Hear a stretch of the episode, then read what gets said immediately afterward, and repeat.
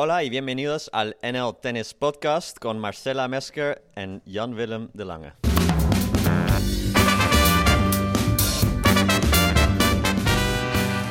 Dankjewel, Nicolas Kwarlus van Ufford voor de intro van deze aflevering. Ja, Nicolas is commentator, hij is ook data-analyst. Hij is tolk en dat allemaal binnen Padel, want ja, het was Padel wat de klok sloeg afgelopen weekend. Er werd heel veel toptennis ook wel gespeeld in de wereld, maar wie in Nederland de tv aanzette, die zag de afgelopen dagen vooral heel veel padel. Uiteraard naar aanleiding van de WPT in Amsterdam. En dus vonden wij wel zo passend om een padelaflevering te maken met Marcella, die volgens mij met de dag enthousiaster begint te worden over wat eigenlijk al bijna geen hype meer mag heten, toch? Nee, ik uh, durf het al bijna niet uh, toe te geven. Ik was natuurlijk eerst uh, niet zo heel erg fan. ik speel het wel af en toe, maar ik moet zeggen, ik word steeds meer fan. Ik vind het steeds leuker om te doen en ook om naar te kijken. En inderdaad, we zijn er samen geweest. Maar ik heb ook al die dagen naar de World Padel Tour op tv gekeken. Eerst bij Ziggo en in het finale weekend bij RTL. En het maakte ontzettend veel indruk hoe professioneel dat overkomt. En eigenlijk het meest interessante vond ik ja, eh, de marketing value die de sponsors krijgen uh, voor de uitstraling rondom die baan.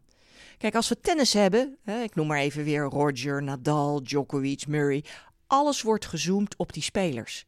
Het gaat heel erg mentaal en over de emoties van de spelers, de close-ups. Maar padel is natuurlijk een sport 2 tegen 2, dus het gaat veel minder om de sterren, om die spelers zelf. Het gaat uh, om de community, om, om het geheel aan zich, die twee dubbelteams, het spelletje en de baan. En als je ziet in de gamepauzes wordt er niet ingezoomd op de gezichten van de spelers. Nee, er wordt ingezoomd op dat prachtige plaatje van de baan.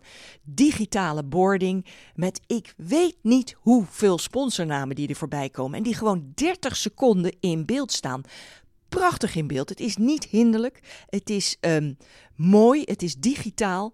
Uh, het is groots. Um, en ja, uh, voor sponsors is het uh, een natte droom, kan je zeggen. Ja, en dat allemaal in, in dat mooie discotheeklicht. Hè. Het is allemaal het is mooi uitgelicht. We kennen natuurlijk wel een klein beetje van tennis. De O2 Arena begon er volgens mij ooit als eerste om dat op die manier uit te lichten. Maar dat, dat geeft het ook wel een, een beetje een premium uitstraling, toch? Absoluut. Uh, nou ja, ook, ook die bioscoopuitstraling, hè, wat je zegt. Uh, veel gelijkenissen met tennisevenementen. Um, maar jij hebt waarschijnlijk ook wel wat uh, verschillen gezien. Kijk, wat wij natuurlijk allebei doen, we, torsen nogal een, een zware tennisbril met ons mee. En het is gewoon heel lastig om die zomaar even af te zetten als je naar een ander evenement gaat. Ja, waar ook een kleine pluizige bal met een racket over een net wordt geslagen. Ja, en dan kom je dus automatisch in ja, een ouderwets potje zoek de verschillen terecht. Ja, en als ik daarmee begin, ja, hele hoop overeenkomsten. De stilte tijdens de rallies, een scheidsrechter die op een hoge stoel uh, zit en toekijkt. Sets die ook met gemak, daar stond ik wel van te kijken, drie kwartier, een uur duren soms. En ook of veel langer. dubbelhandige backhands. Of langer, weet je, dat is gewoon geen uitzondering. Lange, lange wedstrijden. Ondanks het golden point, hè? Want bij Juice wordt het winnende punt gespeeld. Uh, dames Ja. halve finale, dat duurde geloof ik bijna drie uur. Kwam geen eind aan, dat ging maar door. Dus ja, wat dat betreft weinig verschillen. En kan heel lang duren. Ja, absoluut. Die, die, dus echt genoeg gelijkenissen. Maar ja, als we dan toch even in die verschillen duiken. eh, om te beginnen het intieme sfeertje. Het publiek zit echt bovenop de baan, heel knus. En boven de baan geen plafond vol met lampen, zoals bijvoorbeeld in Ahoy. Maar licht dat, dat lijkt te komen uit, uit ja, een viertal eh, straatlantaarns, eh, om het zo maar te zeggen. Ja, en, en, dat, en dat past eigenlijk heel erg bij dat ja, laagdrempelige imago van Padel. Ja, ja. Publiek leeftijd was ook redelijk jong, hè? Ja, zeker weten. Jong publiek en niet te vergeten, hè, daar houdt jong publiek ook van, goed geluid. Wat wil je ook natuurlijk, AFAS Live. En dat geluid werd geserveerd door, door een DJ in een mooi uitgelichte booth. Maar ja, de ster tussen de punten door, dat was niet de DJ, dat was namelijk een glazenwasser. Je moet je Ja. voorstellen, kale man, Ja. kale man met een lange baard. Ja, die gewoon op de beat de glazen kooi aan het eh, lappen was. Hij kreeg ook serieus voor iedere poetsbeurt een applaus. Ja, en zo zie je maar weer, het hoeft niet allemaal high-tech te zijn om te kunnen scoren. Ja, ik, ik, vroeg me meteen af toen ik die man zag. Ik denk, waar doet hij dat nou voor? Is dat nou voor de spelers, uh, voor de stuit van de bal? Uh, misschien ergens. zij leunen daar tegenaan, komt wat zweet. Maar daar vlak achter zat de camera. Ook heel veel close-up camera's. Echt mooi in beeld gebracht. Ja, die moeten natuurlijk echt heel clean glas hebben. Want anders kijken wij thuis in ons eigen uh, kijkertje in een, in, een vaag beeld. Dus het is met name voor die televisiecamera's die achter die glazen wanden staan. En die dus af en toe ook vervangen moeten worden als er eens een keer zo'n wand stuk gelopen wordt. Maar goed, dat, dat, uh, dat, vertelt uh, John later nog. Ja, John van Lotte, dat is inderdaad de man achter het toernooi. Althans in de rol van toernooidirecteur die we, die we later gaan spreken. Maar Marcella, we willen natuurlijk ook even over de sport zelf praten om te, om te beginnen. Uh, wat kun je daarover zeggen? Als je de wereldtop aan het werk ziet, en die waren er allemaal. Um, ja, het, het, is, het is net hetzelfde als, als het reizende circus bij, bij tennis. Alleen uh, inhoudelijk, prijzengeld, alles is gewoon net een, een, een stapje kleiner. Um, maar die organisatie gaat trouwens uh, veranderen toch ook. Want je hebt twee van die grote sportbonden. Maar dat uh, is vanaf 2024 er nog maar één, toch? Ja, inderdaad. Hè. Overgenomen door ja, een paar hele rijke investeerders uit Qatar. En ja, dat... dat dat zal de groei van Padel alleen nog maar weer een grotere uh, impuls geven. Ja, en die groei van Padel, om even, even aan te geven hoe hard dat gaat. In 2018 uh, eh, sprak ik uh, in Utrecht Guus Hiddink bij de opening van een padelbaan. En Guus Hiddink zei bij die gelegenheid dit. Ik ben uitgenodigd om de honderdste baan te openen. En dat heeft een kleine geschiedenis, omdat men erachter kwam dat toen ik trainer was bij PSV in 2002 2003 en verder, dat ik daar ook een, eh, een paddelbaantje heb laten maken. Omdat ik uit Spanje kwam. Jaar in Spanje gewerkt en dan zag ik mensen spelen en ik ben zelf gaan spelen en ik vond het heerlijk om te spelen. Dus ik denk, waarom niet in Eindhoven? Zo is het eigenlijk begonnen. Toen ben ik daar uh, met, met collega's en ook met spelers hebben we daar veel gespeeld. Ja, Guus Hiddink over paddel, zoals hij het noemt. Ja, 100 padelbanen. 100 padelbanen, dat was gewoon nieuws toen, vijf jaar geleden nog maar. En Hiddink, die ja, als grondlegger van paddle in Nederland te boek stond. Ja, en dus werd hij destijds ook uitgenodigd om banen te openen. En ja, inmiddels zou hij daar toch een behoorlijke dagtaak aan hebben. Want de KNLTB verwacht dat eind dit jaar de 2000ste baan opengaat. Volgens mij is dat trouwens al het geval. Ja, en de vergelijking met paddenstoelen, of misschien moeten we wel padelstoelen zeggen, die is dus wel op zijn plaats. Ja, dat uh, is grappig. Ja, Guus natuurlijk uh, top uh, voetbalcoach. En die zette en passant ook meteen uh, ja, die trend neer. Dat die oud-voetballers zo graag padellen en zich met de sport willen afficheren. Hè, denk maar even Arjen Romme, uh, Robbe, Ronald de Boer. Was trouwens analist bij RTL. Vond ik wel een beetje raar. Ja, nou ja, hij zit financieel natuurlijk in, in de padelsport. Maar goed, Robin van Persie, dat zijn allemaal verwoede paddelaars. En ja, die doen dat allemaal heel erg goed. Ze hebben een link, lijken een link ook te hebben met... ja, ja, die, die ene oud-tennisser die echt wat met uh, padel heeft, toch? Ja, ja, dat is de man, uh, zijn naam viel al eventjes, John van Lottem. Uh, de man die dus de afgelopen week, denk ik, de meeste meters maakte in Avas Live. want dat doe je nou eenmaal als toernooidirecteur. En ja, de WPT in Amsterdam, een toernooi uit de hoogste categorie... waarin wordt gespeeld bij de padelprofs. En, en Marcella, ja, jij was degene die van Lottem sprak. Ik was vooral ouderwets met een camera aan het, uh, aan het spelen om een en ander nog vast te leggen. Ja, en Verlottem uiteraard zo trots als een pauw met al die wereldtoppers die op zijn toernooi waren. Laten we even luisteren, of laten we vooral wat langer gaan luisteren naar jullie gesprek. Welkom, John van Lottem, toernooidirecteur van de Decathlon World Padel Tour hier in Avaslaaf live uh, in Amsterdam. Ja. Um, we horen op de achtergrond al uh, hippe muziek, de beats zoals die bij de sport uh, horen. Dus af en toe wat achtergrondgeluid. Maar laten we beginnen. Dit toernooi lijkt te staan als een huis, het tweede jaar. Um, maar laten we teruggaan in de tijd. Jouw motivatie, jouw fascinatie voor de padelsport, hoe is die ontstaan? Waar zag jij je kans? Ja, ja dat is inderdaad uh, een goede intro. Want uh, mijn, uh, mijn passie, nou ja, mijn passie, ik dacht eigenlijk eerst in eerste instantie vanuit de ondernemersbril gekeken. In plaats van dat ik passie had voor de sport. Ehm, ik zag veel van mijn Zweedse collega's eh, zag ik eh, toch eh, aardig druk bezig in de wereld van padel. Robin Söderling, Jonas Björkman, Thomas Johansson destijds ook actief in, in de wereld van padel. En dus ik ben, ben me erin gaan verdiepen. En ik kom al 20, 25 jaar in, in Spanje. Ik heb er een huisje in Spanje. En ik zag padel al wel natuurlijk als een van de sporten die veel beoefend werden. Alleen ik had daar zelf niet heel erg veel mee. Ehm, eh, meer omdat ik uh, nou ja, als tennisser dacht ik, ja, wat is het voor... Uh, ja, Zoals wij allemaal, hè? Tweede of een, een, een, een, een neptennis, dacht ik in eerste instantie. Um, en ik ging met mijn kinderen altijd op de baan om te gaan mini-tennissen. Um, ja, wat ik al zei, toen ik dat uh, volgde uh, en met name de commerciële exploitatie rondom padel. En ik zag in Nederland toch al uh, wat, wat baantjes opkomen bij tennisverenigingen.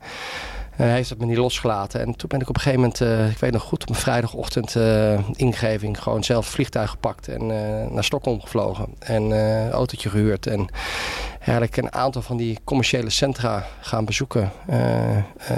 Jonas Björkman gesproken daar. En toen kwam ik toch wel achter de wereld van het, de vercommercialisatie van, van het vercommercialiseren van padel. En ja, Scandinavië heeft toch wel aardig wat overeenkomsten met, uh, met Nederland. Um, en um, ja, het communitygevoel, het lifestyle, eigenlijk alles wat rondom die sport hing daar. dacht ik, nee, dat zou ook in Nederland kunnen passen. Um, ja, en het bouwen van een merk, het, het, het neerzetten van een concept uh, is iets wat ik vanuit de achtergrond, uh, vanuit mijn marketingbureau altijd al gedaan heb. En um, ja, toen ik thuis kwam was ik 100% van overtuigd, hier, uh, hier, hier wil ik vol in. Um, uh, maar dat ik er zo vol in zou zitten, dat, uh, na, het, is het drie jaar, had ik niet kunnen bedenken. En dat het zo snel zou gaan. Um, maar dat is eigenlijk de, de oorsprong. totdat ik zelf ben gaan spelen. En dat was, weet ik ook nog goed. Dat was met, met Ronald de Boer, zijn broer Frank en met Kees Kwakman. En ik dacht, nou, ik neem dat padelrekketje wel even mee en ik ga die gasten eventjes van de baan aftikken. Want ik uh, kan goed tennissen. Maar uh, ik was echt bij far de minste van, uh, van de vier. En mijn eerste reactie toen ik de baan afliep, ik zei ja, het is, een, het is een spelletje, het is een kunstje, ik vind het niks. En toen zat ik in de auto op weg naar huis en toen keek ik mezelf echt aan in de spiegel. Nee, nee, je kan het gewoon niet hebben dat je de minste was. En uh, ik vond het toch heel erg leuk. Dus ik op een gegeven moment Ronald gebeld van uh, we gaan morgen weer. En dat is eigenlijk het moment geweest dat ik er zelf ook zoveel plezier aan heb beleefd. Ehm, ehm, en ik, ja, ik haal daar heel veel ontspanning uit. En ja, dat is eigenlijk dat samen is eigenlijk de grote start geweest van, van waar we nu staan. Ja, de voetballers, hè, ze treden hier deze week bij het toernooi ook op. Wat hebben die voetballers toch met padel? Die, die kennen het dus al eerder dan jij. Die kennen het zeker. Die kennen het zeker eerder dan, uh, dan ik. Uh, veel vrije tijd. dus dat, is, uh, dat is één. Uh, dat is ook gewoon wat het is. competitief. Ehm, willen sporten. Maar hebben een hekel aan om naar de, weer naar de gym te gaan. Want dat hebben ze natuurlijk hun hele leven moeten doen. Ehm, en ja, op deze manier kunnen ze daar eigenlijk alles in kwijt. Uh, het is fysiek gewoon uh, een mooi spelletje. Ze zweten, uh, ze hebben balgevoel. ze kunnen in de ochtenden een potje en, en weer weg. Het is altijd met z'n vieren. Dus het sociale aspecten zitten voor hun ook in. En um, ja, ze kunnen het snel. En op het moment dat ze zich ergens echt op focussen, dan willen ze beter worden. Um, en dat heeft padel enorm geholpen. Niet alleen in Nederland, uh, eigenlijk overal. Of het nou David Beckham is uh, die speelt, uh, Totti tot aan Ronaldo, Messi. Ja, ze laten het allemaal zien. En zij zijn eigenlijk de eerste echte heroes geweest binnen binnen padel. Uh, want uh, de Cuello's en de Tapia's en de LeBron en de Galan, die, die kende men nog niet. De wereldtoppers. Hè? De wereldtoppers. die namen ja. zijn nog vrij onbekend in Nederland. Die zijn nog vrij onbekend. Maar het leuke is, is uh, en dat vond ik, zag ik vorig jaar toen we Robin van Persie hadden en Arjen Robben, dat Robin van Persie een handtekening ging vragen aan, aan Juan LeBron. Ja. Ik hey, dit is uh, de wereld van op de kop. absolute wereldsterren. Ja. Over die spelers gesproken, die zijn hier deze week allemaal te zien. Um, Wat zijn dat nou voor, een, voor, voor sporters, deelnemers in de omgang? Wij kennen natuurlijk de tennissers, hè, de Ja. multimiljonairs. Dit is natuurlijk toch nog een, een, een type sport waar minder geld in is te verdienen. Ja. Eh, wat zijn dat voor jongens? Inmiddels eh, over de namen, die wereldtoppers zijn inmiddels ook multimiljonairs. Ehm, en niet als het gaat om prijzengeld nog, maar wel om contracten die ze hebben. Ehm, als je ziet wat de, de padelbusiness eh, draait, is bijna groter al dan tennis. Eh, de- Moet jij bijvoorbeeld eh, startgeld betalen aan die jongens? Nee, dat, eh, de licentie is zo opgebouwd is dat eh, het prijzengeld wordt betaald eh, door de World Padel Tour. Eh, dus je betaalt eigenlijk een all-in prijs eh, om je toernooi te organiseren. Nou, Hoofdprijs bijvoorbeeld? eh, de hoofdprijs is eh 20.000 euro per persoon. Dus eh, 40.000 per koppel. Dus dat is nog wat aan de lage kant. Dat gaat vanaf volgend jaar echt flink omhoog. Dus je ziet ook dat die groei ook belangrijk is voor de spelers. Vandaar dat ze ook ja, het belangrijk vinden om het een, eh, niet alleen een Spaans georiënteerde tour te hebben, maar een, eh, een global eh, eh, sporttour. Ehm, dus daar werken wij dus ook aan mee om eh, die sport te laten groeien. Eh, dus daar zie je wel een goede wisselwerking in dat zij eh, het op die manier ervaren. We hebben het begonnen net over entertainment. In Spanje is het nog redelijk traditioneel en quiet pleasing op tennis. In andere landen en met name in Nederland zie je toch wel wat meer ja, de DJ eromheen. Ehm, Beetje een beetje beachvolleybalachtig, hè? beachvolleybalachtig. En dat is nog even zoeken geweest. Vorig jaar was, eh, ging het, eh, ging het, was het weer iets, te- iets te veel. En dit jaar eh, is die balans wel heel erg goed. Ehm, maar dat heeft de sport wel nodig om zich ook ehm, eh, te differentiëren met tennis. Ja, want, want als we het over die, die, die grote jongens hebben, die Coelho, die, die LeBron, Tapia. ook Tapia ja. die hier spelen. Ja. Ehm, de types, eh, je hebt natuurlijk charismatische types nodig. Je hebt een bad boy nodig, daar weet jij ook alles van, Ja. John. Zijn die Zeker er? weten. Ja, nou ja, bijvoorbeeld wie Juan LeBron het, eh, is eh, het de, de, ja, dat zijn de bad boys. Dat zijn ook de, de, de Red Bull spelers. Dus dat zijn, zijn de jongens die, die, ja, die, en die gedragen zich ook zo. Ik bedoel, ze komen binnen en, en niks is goed. Ehm, maar dat, dat, ik, ik kan dat wel op een bepaalde manier waarderen. Dus ik, ik, ik, ja, als je er, daar moet je ook nog een beetje doorheen prikken. Dus het zijn wel de, de, de, de, sterren, sterren. de sterren van het padel. Eh, maar aan de andere kant geven ze je ook wel aan het einde compliment. eh, Wauw, woensdagavond, uitverkocht huis. Dat zien we nooit in, eh in padel. Normaal gesproken woensdag richting het weekend. Ja, maar ja, wat jullie hebben neergezet is goed. Nou, als ik dat al hoor, normaal gesproken als het goed is hoor je het niet. Als het slecht is, dan zeggen ze er wat van. Dat is ook een, eh, inherent aan de topsporten. Ehm, En die arbeidsvoorwaarden, hotel, transport, trainingsbanen. Vertel daar wat over. Nou, eigenlijk is het wel heel veel vergelijkbaar met de ATP-tour, met tennis. Eh, ze reizen de wereld over samen. Het is eigenlijk een rondreizend circus. je hebt minder spelers eh, die aan deze weer, in de wereldtop, top 32, die, eh, die komen. Minder toernooien ook op jaarbasis. Minder toernooien, ook dat is aan het groeien. Ehm, Eén toernooi per week? ik denk dat daar eh, inderdaad zo'n eh, ehm, tussen de 25 en de 30 toernooien per week, eh, eh, per, eh, per, jaar. jaar zijn. Ja. En dit toernooi, waar, eh, hoe verhoudt zich dat internationaal qua belang? Dit is, eh, je hebt eigenlijk twee categorieën toernooien. Je hebt de, de, de, de ATP, hier moet je mij al. Eh, de WPT Master. Eh, daar zijn er een, een, een, eh, een paar van op één hand te tellen per jaar. Een soort Nou, zijn- duizend series Zo'n duizend ATP. serie. Ja, je kan het ook daarin weer vergelijken met tennis. Je hebt dan de, de ATP duizends. Nou, dat zijn de, de, de Indian Wells en de Monte Carlos van deze wereld. Nou, daar zijn er maar eh, vier van. Eh, op jaarbasis, een WPT Master. Dan heb je de, ATP, eh, de WPT 1000 toernooien. En dat moet je eigenlijk dan vergelijken. Ons toernooi moet je eigenlijk vergelijken met het ABN AMRO eh, toernooi. Dus je de- zit al hoog in de boom. we zitten al heel hoog in de boom. Ja, dus wij hebben ook gewoon de, de zekerheid dat de allerbeste spelers en speelsters naar ons toernooi komen. We zijn wel aan het kijken of we kunnen groeien. Of wij eh, misschien nog hoger kunnen komen. Eh, nou, dat ja, is weer want het is je tweede jaar, hè? vorig jaar begonnen.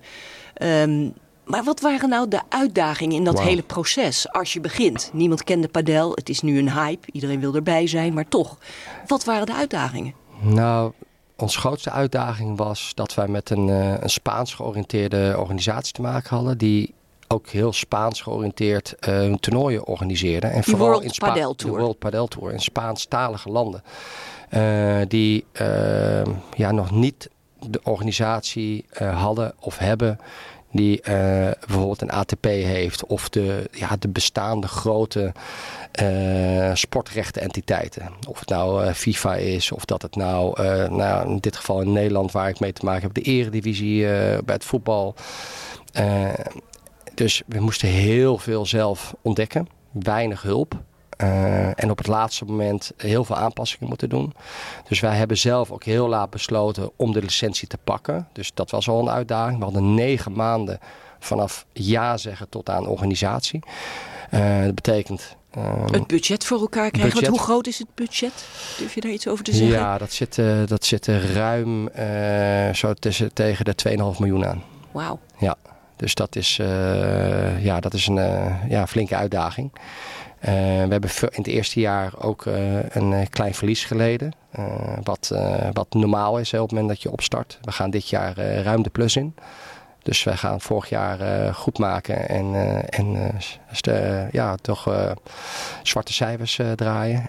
En dat naar jaar twee, dus daar zijn we wel heel blij mee. En wat belangrijk ook was, is het vinden van de venue waar alles past. Hè? Dus de eisen die er zijn met de baan en de camerastandpunten. En eh, het hebben van tien dagen eh, een venue kunnen afhuren. Nou, het eerste jaar was de Centrale Markt al een iconisch gebouw wat ons echt geholpen heeft dat op de kaart te zetten. Want dat was eh, voor ons natuurlijk heel belangrijk. Het vinden van de sponsoren. Nou, en eigenlijk dat fundament eh, was vorig jaar echt met knikkende knieën slapeloze nachten eh, die, die ik had. Echt de stress van gaat dit goed komen? Eh, Dus ja. je loopt wat relaxter rond nu.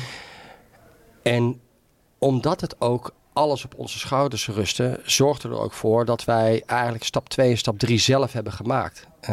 Dus we zijn in control. En we wisten, oké, we, we weten nu voor dit jaar wat op ons af zou komen. Nou, we zijn nu in Avals Live, wat een locatie is, wat, eh, ja, wat duizenden grote evenementen draait, waar de faciliteiten er zijn.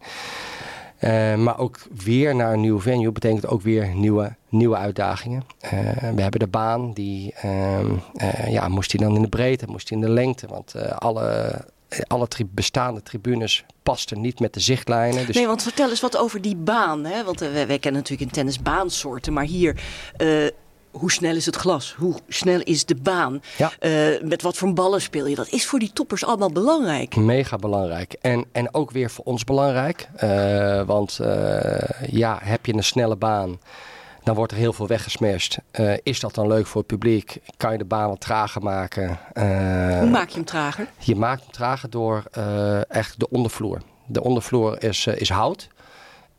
En als die wat luchtiger is, laat ik het zo zeggen, als, wat, wat, als er wat meer ruimte is tussen de hout en, en echt de betonvloer die eronder ligt, daar kan je mee spelen. Dus daar zit je, daar zit je, mm, eh, ja, je ruimte, je marge. Ik hoor ook nog wel eens wat over extra zand strooien. Dat heeft ook nog effect. Ja, en dan heb je de dikte van de mat. Eh, dus daar, eh, kijk, hoe, ietsje, hoe dikker de mat, eh, hoe meer bounce erin zit, hoe meer cushion, hoe, hoe wat, en hoe meer eh, zand je gebruikt, eh, hoe meer die bal in het gras blijft, eh, blijft hangen. Laag. Wat lager, ja.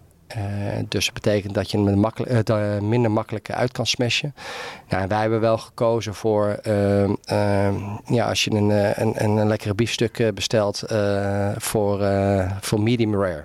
Ja, Alright. ja daar, daar En zijn wij de toppers tevreden? Ja, de dag één keer de, uitdaging was, is dat we natuurlijk pas op zondagochtend de sleutels kregen van Avals Live. Eh, en dan moet die baan worden opgebouwd. Eh, en, ehm, en die moet op dinsdagavond moet die speelklaar zijn om te kunnen testen. Dus daar hebben we wel eh, goed gebruik van gemaakt. En de, ja, de volgende dag met bijvoorbeeld Paquito Navarro en Dineno en Stupacuk die in de ochtend speelden ja, hun nog eventjes bij van op- en aanmerking over de baan. Waar moet het, wat, wat moet er nog gebeuren? Wat vinden jullie ervan? Eh waren er nog plekjes eh, waarbij er nog wat lucht onder zat? Hè? Want dat is met name het probleem. Dat er af en toe nog wat, wat Klein plekjes bobbeltje, zijn. je dat ook wel bij een Ja. tapijt tennisbaan Bij hebt. tapijt tennisbanen. Ja, die moeten dan nog gevuld worden met zand. Of die moeten dan vastgeniet worden uh, in, het, in het gras. Dus je hebt ook weer een heel bouwteam daaromheen die We puur hebben een heel met, bouwteam die, uh, met die baan te klaarstaan. Ook voor het geval uh, het glas kapot gaat. Hè. Dan moet er ook binnen, binnen 10 minuten een nieuw, nieuw glaswerk in nieuwe komen. wand? Hele nieuwe wand, ja. Moet Amai, dichtgekit worden. Um, ja, dan hebben we natuurlijk, dat moet dan weer afgesteld worden met Fox 10. Eigenlijk het Hawkeye van het, uh, van het, van het tennis. Um, dus dat zijn wel de uitdagingen die er zijn. Um, maar uh, we kregen gelukkig uh, thumbs up van de spelers. En ja, dan is, dat is voor mij eigenlijk de, de beste graadmeter. Als die toppers zeggen, de baan is goed. Ja, hij is lekker. hij kan gewoon gaan. LeBron die kwam binnen en die, die vond dat er iets te veel rook uh, was uh, toen hij aan het inspelen was. Maar we hadden natuurlijk. Dat is zo bij de, bij de ingang, de entree. Bij de ingang, dan de worden entree. ze vol enthousiasme onthaald met ja, rook. Ja, ja, en die hadden we net natuurlijk getest. En toen kwam hij net daarbij binnen. Dus dat was dan even het moment. Uh, maar na de wedstrijd zeiden ze ja, het fantastische sfeer, ligt goed. dus. Ja. Heb je nog, nog een paar feiten en cijfers, leuk voor ja. de luisteraar en de kijker, uh, over bezoekersaantallen, online streamingdiensten, live televisie wereldwijd? Um, ik nou neem ja, je helemaal mee in, uh, in dat noem proces. eens wat op. Nou, we, ons. We hebben uh, twee sessies per dag. Uh, waarin wij uh, 3200 uh, mensen kwijt kunnen. En alle avonden uitverkocht. Zaterdag en de zondag ook volledig VIP en regulier uitverkocht. Er zitten dus, dus je gaat naar een record? We gaan naar record in, in, in Nederland. we hadden Ongeveer? tegen de 30.000 bezoekers. Um, we hadden de, de zondag denk ik wel drie keer kunnen uitverkopen. Die waren echt binnen, binnen 10 minuten Is er weg. nog ruimte om tribunes Er is groter? echt geen één plekje meer uh, bij te bouwen. Maar voor volgend jaar bijvoorbeeld? Um, ja, dat is een, dat is een uitdaging. Dus Ja. ja, uh, ja wat gaan we doen? Uh, blijven we op deze manier? Moeten we naar een nieuw venue? Of willen wij uh, juist vanuit kracht opereren en nog uh, fine-tunen? Dus dat toch ook nog een stukje schaarste heerst. het gaat voor mij wel om de sfeer die er heerst. Ik vind het belangrijk om liever vol. En ik, Marcella, jij weet als geen ander, je bent vaak in, in Zweden. Mijn voorbeeld was het toernooi in Zweden, in Stockholm altijd. klein, maar wel warm en vol. En dat is uh, voor mij leidend uh, ten opzichte van uh, winst die je, die je maakt. Ik denk dat dat belangrijk is om een toernooi te bouwen. als ik naar Ziggo Dome zou gaan en we zitten voor de helft vol, maar we hebben meer bezoekers. Ja, maar toch komt het wel uh, naar boven springen, Ziggo Dome. Maar... Mm, ja, nou ja, Ziggo Dome. Ik, ik, ik ben niet verbonden aan, aan, aan, aan, aan Amsterdam. Uh, het is, uh, het is, wij zien dit wel echt als, als het toernooi, het grootste toernooi van Nederland. Uh, ik hoop het wel hier in Amsterdam te, kunnen, te kunnen houden. ik moet zeggen dat samenwerking met Avals Live en hoe we het hier neerzetten heel veel vertrouwen geeft. Waar we graag op verder willen borduren. En om terug te komen even op cijfers. we ja, worden meer, in, meer dan 100 landen uitgezonden. door natuurlijk de WPT die hun eigen tv-kanaal heeft. tv-kanalen heeft. Maar ook hun tv rechten verkocht hebben. Nou, uh, in Nederland hebben ze die verkocht aan, aan Ziggo, die natuurlijk het hele jaar padel uitzendt. Uh, vanaf woensdagochtend, vanaf de eerste bal, uh, volgt Ziggo Sport ons ook. alle wedstrijden worden uitgezonden. RTL gaat de halve finales en de finales doen. We hadden vorig jaar bijvoorbeeld tijdens de finales hadden we 400.000 kijkers op RTL 7. Dus dat uh, betekende voor RTL van hey, dit is iets waar we op verder kunnen. Hoe kun je die aandacht vasthouden hè, voor de toekomst? Hè? Het is het tweede jaar. Ja. Je kijkt alweer vooruit, denk ik, naar jaar nummer drie. Padel is nu een hype. Uh, we weten ook dat het in Zweden minder aan het worden is. Dat daar padelbanen uh, ook weer leeg ja, liggen. ik denk dat dat goed is om uh, te nuanceren. Het gaat niet minder. Het aantal spelers uh, en speelsters die groeien nog steeds in Zweden. Alleen er is destijds een overkill aan locaties geopend. en dat ik denk wel belangrijk is dat men de padeller wordt volwassen. En in eerste instantie was je al lang blij als je een baantje had. En ook al was het dak 6 meter hoog. Of uh, had je alleen een pay-and-play model. Dus uh, dat je naar binnen kwam en dat je alleen uh, kon padellen. Was voor hun al voldoende. Maar naarmate uh, padel zich ontwikkelt, uh, het is echt een community sport. Uh, dus je moet ook locaties hebben die veel meer bieden dan alleen kunnen spelen. En dat is, uh, dat is belangrijk. Dus nou, het feit dat ik uh, natuurlijk het hele jaar met Plaza Padel bezig ben. Onze eigen locaties. We hebben er nu zeven in Nederland. waarbij we ja, iedere dag weer bezig zijn om ehm, zowel de reguliere speler als de zakelijke speler naar onze locaties te krijgen. En daar hele gave evenementen kunnen organiseren. Uh, we zijn echt wel anders dan tennis, waar het meer traditionele verenigingsleven is. Dit is meer een sport waarbij uh, ja, eigenlijk een sociale sport is. Met uh, ja, ook vooral horeca een heel belangrijk element in zich heeft. Ehm, dat we gedurende het jaar dat soort activaties blijven doen. Ehm, is, dat, is dat de belangrijkste trend op het gebied van padel in Nederland. Om, om die mensen vast te houden met veel meer dan alleen dat potje padellen. Ja, het, het gebeurt heel veel online. Kijk, je boekt je baan online via een platform. Um, waarbij um, uh, wij op onze locatie bijvoorbeeld nou, 500, 600 man in, een, in, in groepsappen hebben. Waarbij je niet meer uh, vasthoudt aan je, je, je vier mensen die je kent. Je vaste clubje. Nou op het moment dat je ge, gepadeld hebt, weet je ongeveer je niveau in te schalen. Dus uh, nou, dan uh, wordt er een wedstrijd uh, geopperd in die groepsapp. Um, ik ben van een medium niveau. Wij zoeken nog een derde speler of een vierde speler. Pam, dan popt er gelijk een, nieuwe speler bij die zich aan wil toevoegen. Waarvan je de andere mensen dus niet kent. En dat is toch wel echt een cultuur verandering ten opzichte van tennis. Waarbij je echt wil weten met wie je speelt. Is het hier het maakt niet uit met wie je speelt, als maar lekker kan padellen en als het maar ongeveer op mijn eigen niveau is. En dat uh, is wel een hele mooie grote verandering uh, die heeft plaatsgevonden. Dus het gebeurt veel meer online en socials dan het ouderwetse uh, ik ben lid van de vereniging en ik ga een baantje afhangen. Ja, dus de toekomst ziet er positief uit. De toekomst ziet er positief uit. Ja, als je kijkt ook naar cijfers, is, is het inmiddels groter dan hockey. Um, en, en, en, ja, en dat is natuurlijk bizar. Want hockey heeft zo'n grote, uh, ja, lange geschiedenis en ja. cultuur. En inmiddels zijn er al meer gebruikers, uh, meer spelers en speelsters. Ja, en Hoeveel? Ik denk, 200.000 padeltennissers in Nederland? Nou, zitten die inmiddels ruim op 300.000 actieve. en je hebt natuurlijk de, de leden bij de KNLTB. Maar dat is ja, het grotendeels, die zijn eigenlijk geen lid. En die hebben gewoon ja, die boeken hun baan via de, de, ja, de reguliere boekingsplatformen ja. En wat, uh, uh, ja, wat natuurlijk uh, heel, eh, denk ik echt een sleeping giant is, is de kids. Kids hebben het nog niet ontdekt. Ehm, dat is echt nog wel de studenten richting, richting 45. Dat is eigenlijk de grootste doelgroep met name. Maar de aanwas van jeugd, ja, als, als die gaat komen, ja, dan gaat het echt, echt exploderen, denk ik. En dat gaat gebeuren, denk jij? Nou, ik denk dat het ook wel veel in zich heeft, omdat het zo laagdrempelig is. Het is makkelijk te leren. Het is, uh, tennis natuurlijk een moeilijke sport. Uh, jeugd, uh, als het gaat om spanningsboog, uh, is inmiddels toch ook wat lastig. Er is veel concurrentie van of het nou dansen is, of klimmen, of allerlei urban sports. Um, uh, is dit wel een sport met, met het glas, de fun factor wat er is. Um, uh, denk ik wel dat het veel potentie heeft. Dus ik, uh, ja, ik heb daar wel vertrouwen in. Hoe vaak speel je zelf? Veel te weinig. ik ik uh, probeer dan heel af en toe op een maandagochtend vroeg een potje te kunnen spelen. en dan nou, af en toe met Raymond Sluiter als hij in het land is. Vind ik het heel erg leuk om samen te spelen. En dan proberen we ja, de, de, de, de toppers in padel in Nederland proberen we het lastig te maken. Af en toe worden we ook flink afgestraft. Maar dan heb ik het echt heel erg naar mijn zin. En als ik in Spanje ben, dan, ja, dan doe ik het iedere dag. Houden zo. Zeker. Dankjewel, John. Graag gedaan.